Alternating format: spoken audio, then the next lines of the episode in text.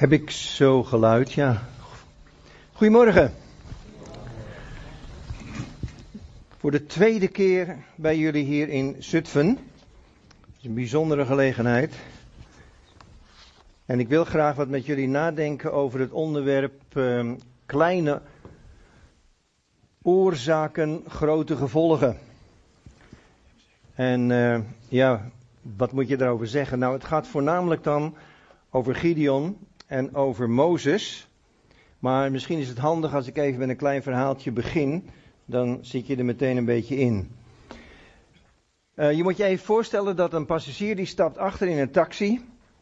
En die zegt tegen de chauffeur waar hij naartoe wil.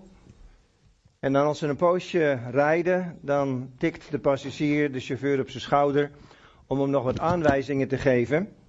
En die chauffeur die schrikt daar zo verschrikkelijk van dat hij verliest de macht over het stuur. En die ramt bijna een bus en die rijdt de stoep op en dan komt een paar centimeter voor een winkelruit tot stilstand. En dan blijft het even doodstil in de taxi en dan zegt de chauffeur, meneer, wilt u dat nooit meer doen? Ik schrok een ongeluk.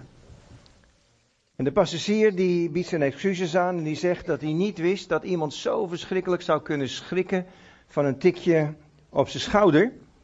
Waarop de chauffeur antwoordt, het spijt me, u kunt er ook niks aan doen. Dit is mijn eerste dag als taxichauffeur. Ik heb de laatste 25 jaar uitsluitend gereden in begrafeniswagens. Kleine oorzaken, grote gevolgen. Eén tikje op je schouder kan de hele wereld veranderen. Als ik kijk naar het Bijbelse patroon, dan kan ik kijken naar Simpson. En dan zie ik hoe eh, Simpson dan zijn haar niet mag eh, afknippen. En dan denk je nou, wat kan dat nou voor gevolgen hebben of je nou wel of niet je haar afknipt? En dan blijkt toch dat het bij Simpson een belangrijk punt is. En uiteindelijk weet Delilah hem dan te overtuigen dat uh, uh, hij zijn geheim moet prijsgeven. En dat doet hij dan ook. En dan wordt zijn haar afgeknipt en dan verliest hij al zijn kracht. Zijn ogen worden uitgestoken en hij komt terecht in de gevangenis. En dan eindigt het nog wel tussen die pilaren van die afgodtempel. Waarin hij veel mensen met zich meesleept in de dood. Maar toch, alleen je haren afknippen kan al grote gevolgen hebben. Als God het heeft gezegd, heeft elk klein woord vaak grote gevolgen, ook in het positieve. Als je kijkt bijvoorbeeld naar Daniel en zijn vrienden, dan zeggen ze: Wij willen wat ander voedsel. We zien er allemaal beroerd uit van dit voedsel, voelen ons niet lekker, we willen ander voedsel hebben, gezonder voedsel. En na verloop van tijd, dan zien ze er veel beter uit dan alle anderen. En ik denk wel eens, geestelijk gezien zou dat eigenlijk net zo moeten zijn. Als wij ons uitstrekken naar gezond geestelijk voedsel, dan zouden we er anders uitzien dan de rest van de wereld. Dan zou de heerlijkheid van God door ons heen kunnen werken. Zouden mensen zeggen, wat gebruik jij? Ik, ik eet heel ander voedsel. Ik heb geleerd dat Jezus het brood des levens is en sinds ik dat eet, zie ik er heel anders uit. En heb ik ook iets van de heerlijkheid van God in mij gekregen. Kleine oorzaken, grote gevolgen.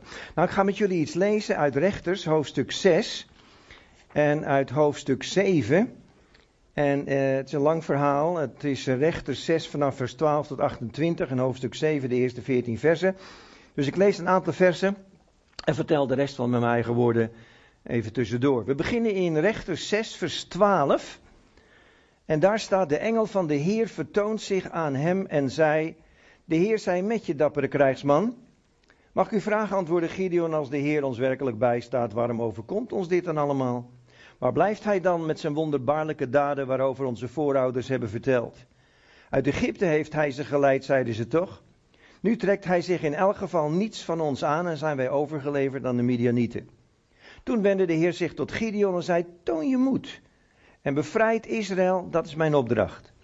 Mag ik u vragen, antwoordde Gideon, hoe zou ik Israël kunnen bevrijden? Mijn familie heeft in onze stam Manasse niets in te brengen en ik zelf ben de jongste van de familie. De Heer antwoordde, dat kun je, omdat ik je bijsta. Je zult de Midianieten verslaan alsof je niet met meer dan één man te doen had. En dan vraagt Gideon om een teken. En dan gaat hij thuis wat dingen halen. En dan zijn we bij vers 19. Gideon ging snel naar huis, maakte een geitenbokje klaar en bakte ongedezemd of ongezuurd brood van een eva tarwebloem. Hij legde het vlees in een mand en goot het vleesnat of het kookvocht in een kom, bracht het naar degene die onder de terebint zat te wachten en bood het hem aan. De engel van God zei tegen hem: Leg het vlees en de broden hier op dit rotsblok en giet het vleesnat erover uit. Gideon deed wat hem gevraagd was. Toen raakte de engel van de Heer met het uiteinde van zijn staf het voedsel aan en meteen laaide er een vuur uit het rotsblok op dat het vlees en de broden verteerde. Als dat gebeurd is, dan bouwt Gideon een altaar voor de Heer en hij noemt dat de Heer geeft rust of vrede. En vervolgens moet hij dan naar het huis van zijn vader gaan om daar een Baal afgod die daar nog in de tuin staat omver te halen. Daarna mag hij op de hoorn blazen en dan verzamelen zich 32.000 man. En dan in hoofdstuk 7, vers 3 zegt God tegen hem: Ik vind 32.000 man veel te veel, Gideon. Dan zul je nog denken dat je het zelf gepresteerd hebt in eigen kracht. Ik vind, en dan zegt hij dit: Maak daarom bekend dat iedereen die bang is, kan vertrekken. En dan vertrekken er 22.000 man. En dan zegt God: Ik vind het nog te veel. En in vers 4 zegt God: Laat de manschappen gaan drinken. En dan blijven er 300 slurpers, dorstige types over. En dan in vers 11 sluipt Gideon naar het kamp van de Midianieten met zijn knecht Pura. En dan gaat hij daar bij zo'n tent liggen. En dan hoort hij hoe een Midianiet, een soldaat, zegt tegen zijn kameraad: Ik zag een gerstebrood de heuvel komen afrollen. En het hele kamp ondersteboven keren. En dan zegt zijn kameraad: Dat is het zwaard van Gideon. Nou, dat is in grote trekken het verhaal en jullie kennen dat. Aan de andere kant willen we ook eens kijken of we nog nieuwe dingen kunnen ontdekken in een bekend verhaal. Ik wil je meteen weer even mee terugnemen naar het begin in Rechter 6 vanaf vers 12, waar Gideon dus bezig is om tarwe te dorsen. En hij probeert dat in veiligheid te brengen, want de Midianieten kunnen weer komen om het graan te stelen. En terwijl hij daar dat graan aan het dorsen is, kijkt hij om zich heen, zenuwachtig, niemand mag het zien. En dan staat daar ineens die engel van de Heer en die zegt tegen hem, ik noem je een dappere krijgsman. De Heer zei met je dappere krijgsman of held. En ik weet niet hoe dat bij jullie klinkt, maar ik vind dat klinkt bijna sarcastisch. Iemand staat te trillen van de zenuwen en dan staat er ineens die engel en die zegt dappere krijgsman. En dat is typerend voor God. God begint altijd met bemoedigende woorden. God breekt niet af. En dat herinner je je misschien als je tot geloof bent gekomen, zo vanuit de wereld op zekere dag. En misschien ook vanuit een andere omstandigheid nog, dat je vroeger naar de kerk ging en later bewust tot bekering kwam. Ineens van het ene moment op het andere moment ben je niet meer een zondaar, maar ben je een kind van God geworden. En zoveel mensen die dat is overkomen, die konden het eigenlijk niet geloven. Eerste wat ze zeiden was, ben het niet waard? Wie ben ik? En God zegt, ik noem je niet een ex-zondaar, maar ik noem je mijn kind. Ik geef je een nieuwe titel. Ga dat maar waarmaken. En datzelfde zie je eigenlijk bij Gideon gebeuren. Als Gideon een dappere held wordt genoemd, dan zegt uh, Gideon, ik ben de minste en de jongste hoe moet ik Israël verlossen? En dan zegt God iets heel moois. Dan zegt God door middel van die engel: Het gaat er niet om wie jij bent, maar het gaat erom wie ik mag zijn in jou. Eigenlijk is dat prachtig. Het gaat er niet om wie jij bent, het gaat erom wie God mag zijn in jou. En wat hij dan door jou heen kan doen. En Gideon die, die vindt het zo bijzonder, het haast niet te geloven. Die zegt tegen die engel, als u nou even blijft zitten, dan ga ik even naar huis. En dan haal ik wat spullen op. En dan komt hij terug met vlees en vleesnat en ongezuurd brood. En dan legt hij dat op de rots. En dan doet hij eigenlijk wat Paulus later zal zeggen in Romeinen 12. Geef je leven tot een levend, heilig en God welgevallig offer. Maar wat betekent dat nou? Als Gideon daar op die rots vlees legt, dan is vlees het beeld van je eigen ik.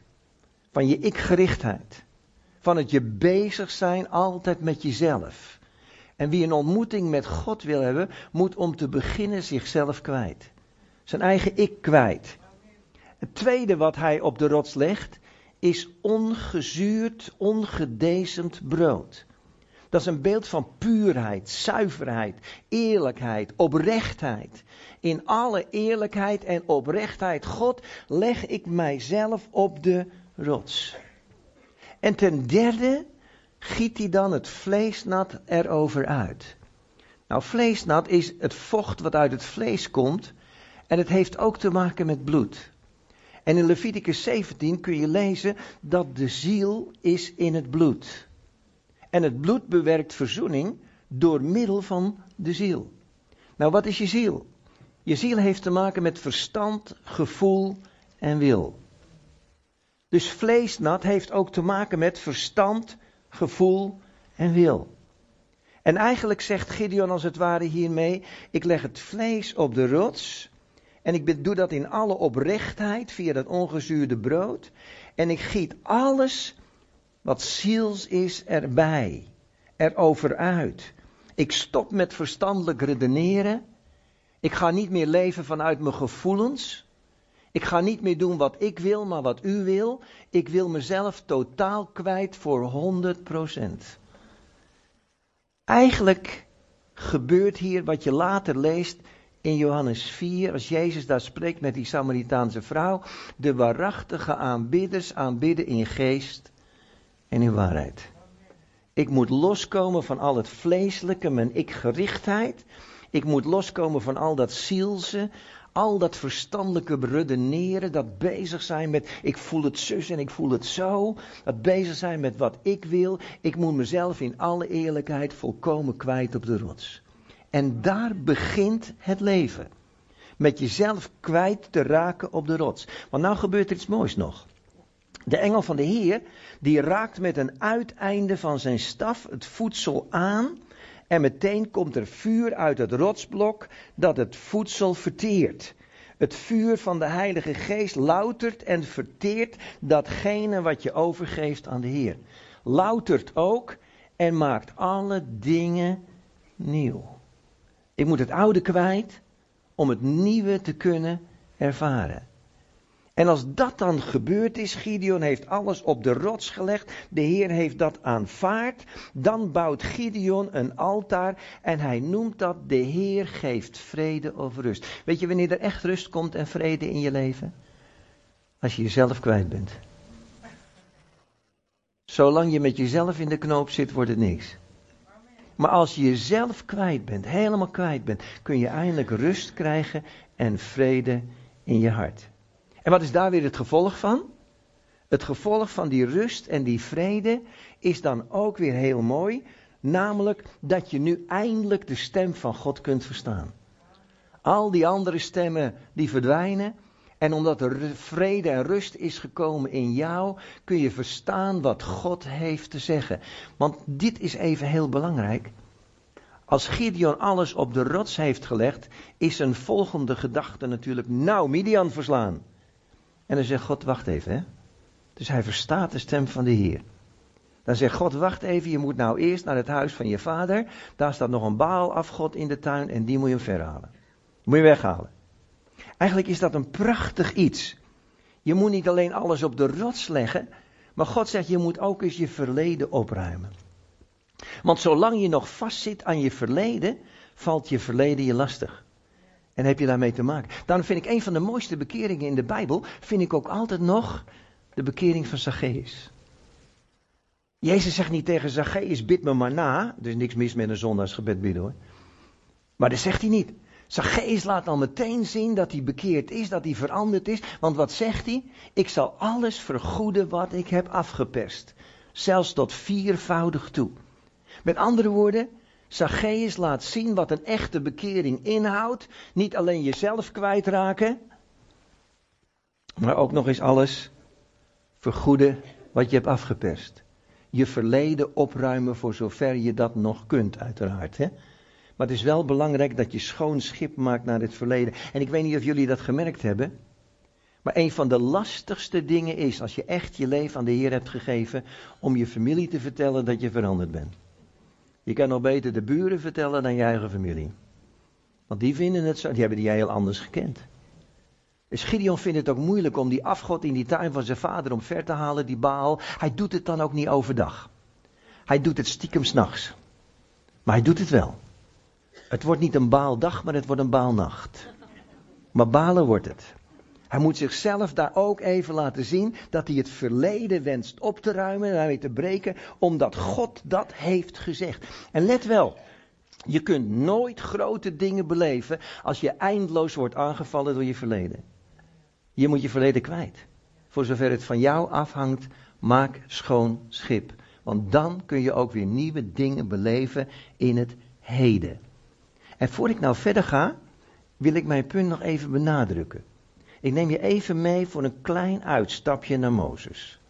Het verhaal staat in Exodus 4, vanaf vers 24 tot 26, maar ik vertel het je wel even. Want het is een heel merkwaardig verhaal. Mozes gaat met zijn vrouw Sippora en zijn beide zonen eindelijk op weg naar Egypte om Israël te verlossen uit Egypte. En dan staat er in dat Exodus 4 vanaf vers 24. En terwijl zij op weg waren, zocht de Heere Mozes te doden. En dan ligt Mozes daar stervend aan de kant van de weg. En Sephora besnijdt dan de huid van de tweede zoon. En op het moment dat het bloed van de kleine jongen in contact komt met de stervende Mozes, staat hij weer op zijn voeten en leeft hij. Apart verhaal, hè? Ga je eindelijk op weg? Zoekt de Heer je te doden. Nou, wat is er nou gebeurd? Moet je even meenemen naar het begin van het verhaal. Waarschijnlijk weten jullie nog wel dat Mozes op een gegeven moment in Egypte bezig was een Egyptenaar te doden. Hij was zo boos geworden, hij wilde die Egyptenaar doden en hij heeft het ook gedaan. En dan vlucht hij naar Midian. En dan komt hij daar te zitten bij een waterput, dat is een ontmoetingsplaats. En dan komen daar zeven herderinnetjes. En die zeven herderinnetjes die willen hun dieren te drinken geven. Maar dan komen de herders en die jagen de herderinnetjes weg. En dan komt Mozes op voor de herderinnetjes. En die meisjes die komen dus veel eerder bij papa Jetro thuis dan vroeger. Dus vader Jetro die zegt, wat is er gebeurd? En die meisjes zeggen, nou, er zat een man bij de put. En die heeft ons geholpen, die heeft die herders verdreven. En wij konden zo eerst onze schapen te drinken geven, onze dieren. En nou moet je ook nog even weten dat die die had zeven dochters die hij nog aan de man moest zien te brengen.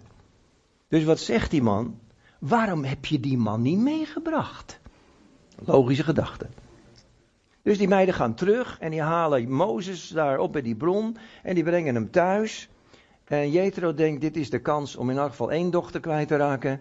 En die huwelijk meteen Sippora uit aan Mozes. Nou, die twee die trouwen, nou moet je ook nog even weten dat weliswaar Jethro priester was in Midian, maar dat het al een beetje vervlakt was door de omstandigheden daar en het allemaal niet meer zo vurig was als in den beginnen. Want anders begrijp je de rest niet. Dus als op zekere dag Mozes en Sippora trouwen, dan wordt er een zoon geboren en ze noemen hem Gersom. En Mozes zegt, denk erom, God wil dat hij besneden wordt. En Sippora zegt, nou voor mij hoeft het niet. Volgens mij maakt het geen bal uit, zo'n stukje vooruit erop of eraf, dat zie ik niet zo zitten. Maar Mozes zegt, nee, God wil het. En die eerste zoon wordt besneden. En dan komt er een tweede zoon en ze noemen hem Eliezer. En je ziet het voor je. Sippora zegt toch weer niet die flauwekul, hè? Zo'n besnijdenis levert niks op, joh. Ik vind het niks. En Mozes denkt, een huis vol ruzie is ook niks. Dus die tweede zoon wordt niet besneden. En het is net alsof God het niet erg vindt. Er komt geen bliksem uit de hemel, begint niet te donderen. Net alsof God het niks erg vindt. Dus de haakjes, als het bij alles wat wij fout doen zou gaan donderen en bliksemen, dan was het nooit meer mooi weer in Nederland. Dus dan kon het wel schudden. Dus zo werkt het niet, dat je dat even ziet. Dus het lijkt net alsof God niet erg vindt. Tot het moment dat God Mozes roept om naar Egypte te gaan en een grote klus te klaren en Israël te verlossen uit Egypte. En dan gaan ze op weg en halverwege zoekt de Heer Mozes te doden. En weet je wat ik zo opmerkelijk vind? Sephora weet meteen waar het op vast zit. Ze neemt een scherpe steen of een stenen mes, andere vertaling. En ze besnijdt de voorhuid van de tweede zoon. En op het moment dat het bloed van de kleine jongen in contact komt met die stervende Mozes, staat hij weer op zijn voeten en leeft hij. Zie het? Kleine oorzaken, grote gevolgen. Wie in het kleine niet getrouw is, zal het grote niet verkrijgen. Het zijn de kleine vossen die de wijngaard bederven. Met andere woorden, dat ogenschijnlijk kleine kon wel eens heel belangrijk zijn voor God. Want misschien heb jij nog weinig grote dingen beleefd.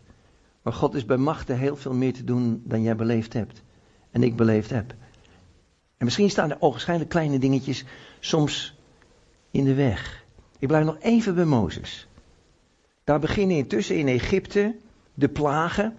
Mozes staat met Aaron steeds voor de farao en de volgende plaag begint en de volgende narigheid begint. En intussen heeft hij Zippora met de jongens teruggestuurd naar Midian, want het is gevaarlijk in Egypte. En dan komen we bij het laatste stuk van het verhaal. Voordat de laatste ramp plaatsvindt en de eerstgeborenen moeten sterven, wordt het Pascha ingesteld. En misschien kun je een beetje voorstellen dat zo'n man terugkomt van een vergadering met Mozes en dat zijn vrouw zegt: Hoe was de vergadering? Zoals mannen dat wel kunnen doen, kort en krachtig, goede vergadering. Vrouwen willen dan wat meer weten, maar een man heeft gezegd waar het om ging. Maar die vrouw vraagt dan door en dan zegt uh, die man: Nou ja, goed, we moeten, uh, we moeten een, uh, een, een lam slachten. Ja, zegt ze, maar we hebben er maar één. En de buren hebben niks. Ja, zegt die man, maar daar is in voorzien, dan moet je delen met de buren. En dan moeten we dat lam slachten. En dan zegt ze, nou, dan moeten we het vlees bereiden met bittere kruiden. En nou begint ze een beetje nijdig te worden. Bittere kruiden, je weet dat de kinderen dat niet lusten. Wordt een beetje lastig. En wat moet je nog meer doen dan? Ja, we moeten het bloed opvangen in een schaal. Nou, dat vindt ze nog netjes. En dan? Ja, dan moeten we hyssop nemen en het indopen in het bloed. En dan moeten we de, de deurposten insmeren en de bovendorpel moeten we insmeren met bloed. En nou wordt ze boos. Net de buitenboel gedaan. En dan die troep erop. Van haar hoeft het niet. Weet je wat ik altijd zo leuk vind? Wij lezen al die verhalen alsof het heel gewoon is dat je dat doet. Maar de vraag zou zijn: zou jij het ook doen? En zouden wij het ook doen? Want hoe zit het dan met ons? Zijn wij dan van plan om alles te doen wat God zegt? Zit dat ook in ons? Stel je eens voor dat je voorganger zou zeggen hier in Zutphen. Er komt een ramp over Zutphen, maar het gaat voorbij als je bloed aanbrengt aan de deurpost. Dan begin je al te argumenteren. Weet je wat ik wel eens stiekem heb gedacht? Wat goed dat er nog geen Nederlanders waren. Want dan was er niks geworden. Dan was er altijd al eentje geweest die zei, zou zeggen van, wie ben jij dat jij mij vertelt wat ik moet doen? Ik heb niks van de Heer ontvangen. Ik wacht wel tot God zelf tot me gaat spreken. Voel je ons probleem? Maar deze mensen waren trouw in ogenschijnlijk kleine dingen. Want wat is het nou, een beetje bloed aanbrengen aan je deurpost en je bovendorp, dan ben je klaar toch? Maar het begint wel met in het kleine getrouw zijn om een grote uittocht uit Egypte te kunnen beleven. En om je eerstgeborene in leven te houden. Kleine oorzaken, grote gevolgen. En dan nog één keer terug naar Gideon. Gideon heeft dus intussen alles op die rots gelegd. Gideon heeft intussen daar die Baal-altaar toestand afgod weggehaald uit de tuin van zijn vader. Intussen heeft hij op de hoorn geblazen. En verzamelen zich 32.000 man. Ik moet wel zeggen, dat is opwekking. Eén keer blazen en 32.000 man meteen hebben, dat is wel opwekking. En dan zegt God tegen hem: Ik heb een korte preek voor je morgen. Je hoeft alleen maar tegen die 32.000 man te zeggen: Wie bang is en beeft, keren terug. Nou, ik denk dat Gideon nog nooit zo succesvol heeft gepreekt. 22.000 man roepen meteen: Broeder, wat een preek, wegwezen. Is opmerkelijk, hè? Juist bij christenen. Zodra het moeilijk wordt, hebben veel christenen de neiging om moeilijkheden te ontvluchten. Maar dan word je nooit overwinnaar. Pas als je de moeilijkheden overwint, ben je met hem meer dan overwinnaar. Maar als je ervoor vlucht, lost het niks op. Je zult er toch doorheen moeten. Dat betekent, die moeite zal er zijn. En dan zegt God tegen Gideon, ik vind 10.000 man nog te veel. Je moet ze laten drinken en dan blijven de 300 dorstige types over. Kun je je voorstellen dat Gideon nou weer nerveus wordt? Hij had 32.000 man, houdt er 300 over. Dan gaat hij daar naar het vijandelijke kamp en dan ligt hij daar achter die tent van die Midianieten, een van die mannen, mensen, soldaten. En dan hoort hij daar die man met een droom zeggen: Ik zag een gerstebrood de heuvel afkomen en het hele kamp ondersteboven keren. En toen dacht ik, hij zag een brood van de heuvel afkomen. Maar waar worden christenen nou eindelijk één brood? Op die heuvel daar ginds, aan de voet van het kruis. Als elke graankorrel vermalen wil worden, en wij zijn die graankorrels, willen sterven aan zichzelf, dan kunnen we samengevoegd worden tot één brood. En als we één brood zijn, zijn we sterk. Eenheid is daarom ook altijd gebaseerd op een verticale relatie. Je wordt niet één door steeds water bij de wijn te doen in datgene wat je gelooft. Er is maar één manier om één te worden. En dat je kunt maar één zijn, zegt Luther, in die ene. En die ene is Jezus Christus. En pas als jij gelooft in Jezus en je buurman gelooft in Jezus en die uit die kerk gelooft in Jezus, dan zijn wij één in Jezus. En vanuit die verticale relatie kunnen we dan verder gaan werken aan allerlei andere zaken waar we misschien nog lang niet over eens zijn, maar die dan ook in principe niet het allerbelangrijkste zijn. Want er is maar één weg tot God en dat is door Jezus. Dat is die weg, het is die verticale relatie. En vanuit die verticale relatie kun je aan een horizontale relatie bouwen. Nu, nu rijst even de vraag: wie bewerkt eenheid? En het antwoord is de Heilige Geest. En nou de tweede vraag: wie bewaart de eenheid? En het antwoord is de gelovigen.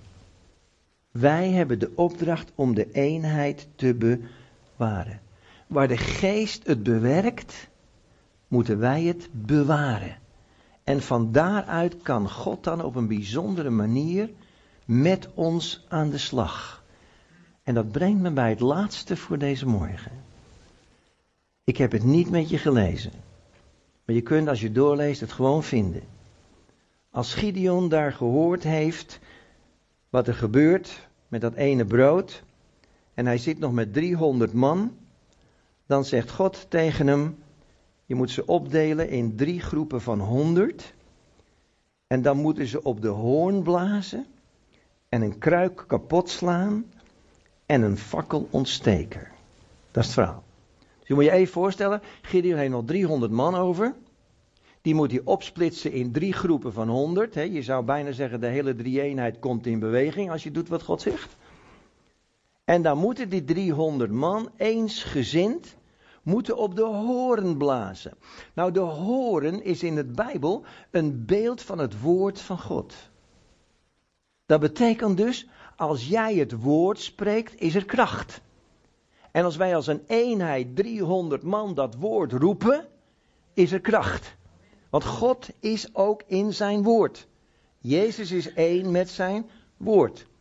Dus zij moeten op die hoorn blazen, het woord moet klinken. Dan die kruik moet verbroken worden. Misschien weet je nog dat in 2 Korinthe 4 vers 7 Paulus zegt dat wij aarden, kruiken of potten zijn. Met daarin een schat. Dus jij en ik, uiterlijk, wij zijn aarden, kruiken.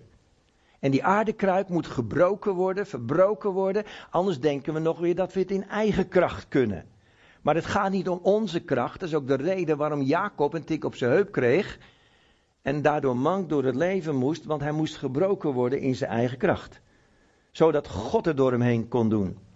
En dat spreekt ook hier. Die kruik moet gebroken worden. Wij moeten gebroken worden in onze eigen kracht. En dan komt die fakkel, dat vuur van de geest. Want in die aardekruik zit een schat. En die moet tevoorschijn komen. Dat is het vuur van de Heilige Geest. En dan moeten ze roepen voor de Heeren en voor Gideon. Dus ze blazen op de hoorn, het woord klinkt. Kruik wordt verbroken. Fakkel wordt ontstoken. En ze roepen Voor de Heer en voor Gideon. En dan staat er in je Bijbel dat op dat moment er een enorme onrust uitbreekt in het kamp van de Midianieten. En die Midianieten, die schrikken zo verschrikkelijk van dat gebeuren, dat die maken elkaar af. Als was het één man.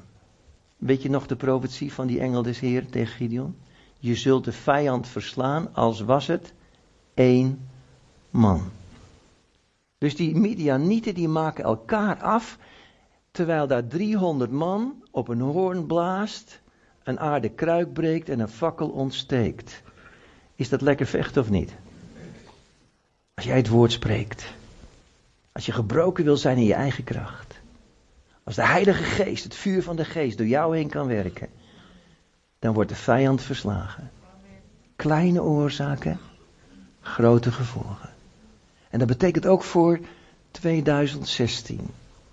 Dat we samen mogen strijden en dat we eigenlijk erop moeten letten dat kleine, ogenschijnlijk kleine dingen worden opgelost.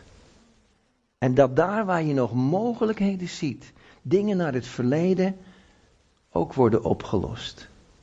Misschien moet je iemand vergeving vragen, misschien moet je iemand vergeving schenken. En de bedoeling is niet van deze morgen dat je nou in je eigen leven gaat zitten peuren om te ontdekken of er ergens nog wat zit. Want daar word je moe van. De bedoeling is dat je gewoon stil wordt voor God. Zodat de Heilige Geest kan spreken en je kan laten zien, als je dat nou nog eens even wegdeed. Als je daar nou nog eens even een stukje verleden opruimde. Dan kan ik de Heer prachtige nieuwe dingen doen. Zullen we samen gaan bidden? Vader, ik wil u danken voor uw aanwezigheid hier in deze ruimte.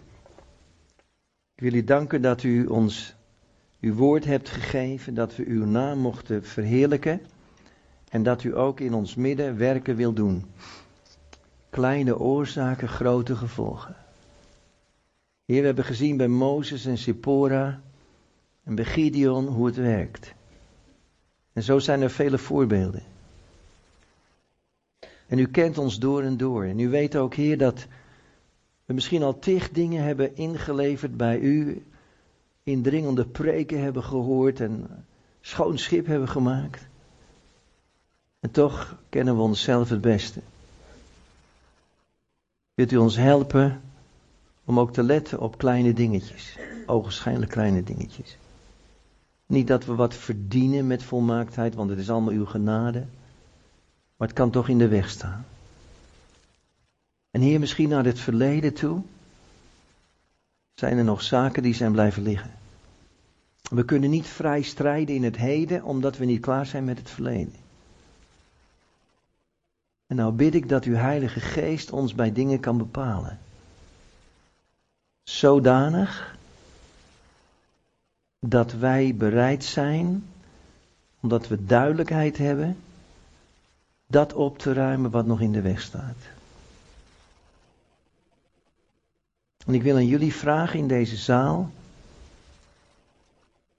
Als je niet duidelijkheid hebt over wat nog in de weg staat, maar je hebt wel het uh, idee, er zijn nog dingetjes, dan zou ik je willen uitnodigen om gewoon eens een moment te gaan staan op de plaats waar je zit. Dan wil ik voor je bidden dat God je laat zien wat er nog in de weg zou kunnen staan. Ook naar je verleden toe. Dus ga niet zitten peuren in je verleden, ga niet allerlei dingen over, overdenken, maar, maar laat de Heilige Geest je dingen kunnen laten zien. En daar wil ik nu voor bidden. Als je, als je wilt dat ik daarvoor bid, ga dan even staan op de plaats waar je zit. En dan, je mag niet naar voren komen. Ik wil gewoon zo voor je bidden. Bidden dat de Heer je het laat zien. Heer, we verlangen allemaal zo naar grote dingen. We verlangen naar wonderen van u. We verlangen naar verandering van mensen om ons heen. We verlangen naar zoveel nog. We willen niet, Heer, dat wij in de weg lopen. Ergens uh, dat belemmeren. Zoals Mozes uh, wat is nou de voorhuid van een jongetje? En wat is nou die kleine dingen, ogenschijnlijk kleine dingen? Maar die toch, ja, in de weg kunnen staan om te komen tot grotere dingen in je leven. En ik dank u wel, Heer, dat u zo deze ruimte hebt gevuld met uw heerlijkheid. En dat u uw hand legt op alle mensen die hier staan en ook op de mensen die misschien willen staan, maar niet kunnen. Dat u hen op dit moment aanraken zoals u dat alleen maar kunt. En ik wil jullie zegenen in de naam van de Heer Jezus. En ik wil jullie over jullie uitspreken dat elke bedekking die een belemmering vormt om te zien hoe God je ziet, dat die wordt weggenomen. Zodat je jezelf kunt zien door de ogen van Jezus. Ik dank u Heer dat u zo mensen uittrekt boven hun omstandigheden en hen helpt te ontdekken hoe dingen anders ingevuld zouden kunnen worden in hun levens. Niet vanuit de gedachte dat we het dan verdiend hebben, maar vanuit de gedachte dat elke belemmering is weggenomen. En u, Heer, in ons en door ons heen bevrijdingen kunt geven. Veranderingen van mensen in onze omgeving kunt bewerken. Genezingen en heerlijkheid kan openbaren. Heer, want wij willen uw woord roepen. We willen onszelf kwijt en willen dat het vuur van de geest door ons heen blaast. Zodat uw heerlijkheid bekend wordt. En vijandelijke legers, machten der duisternis, ziekte en pijn moeten wijken voor de naam van Jezus. Dank u dat u ons daartoe aanraakt. En uw heerlijkheid nu in ons hebt gelegd. Geef ons dan ook de moed als u ons bij iets bepaalt om dat te doen. Tot eer van uw naam. Amen. Amen. Ga lekker zitten. Aan wie mag ik het overgeven, Sari? Aan jou?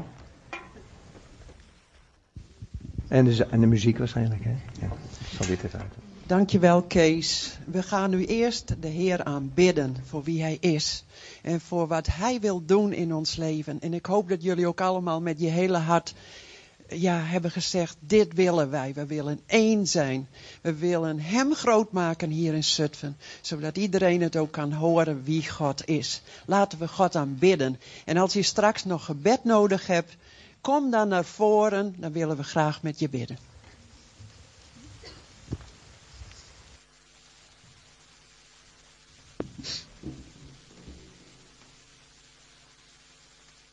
Zo, we gaan nog zingen.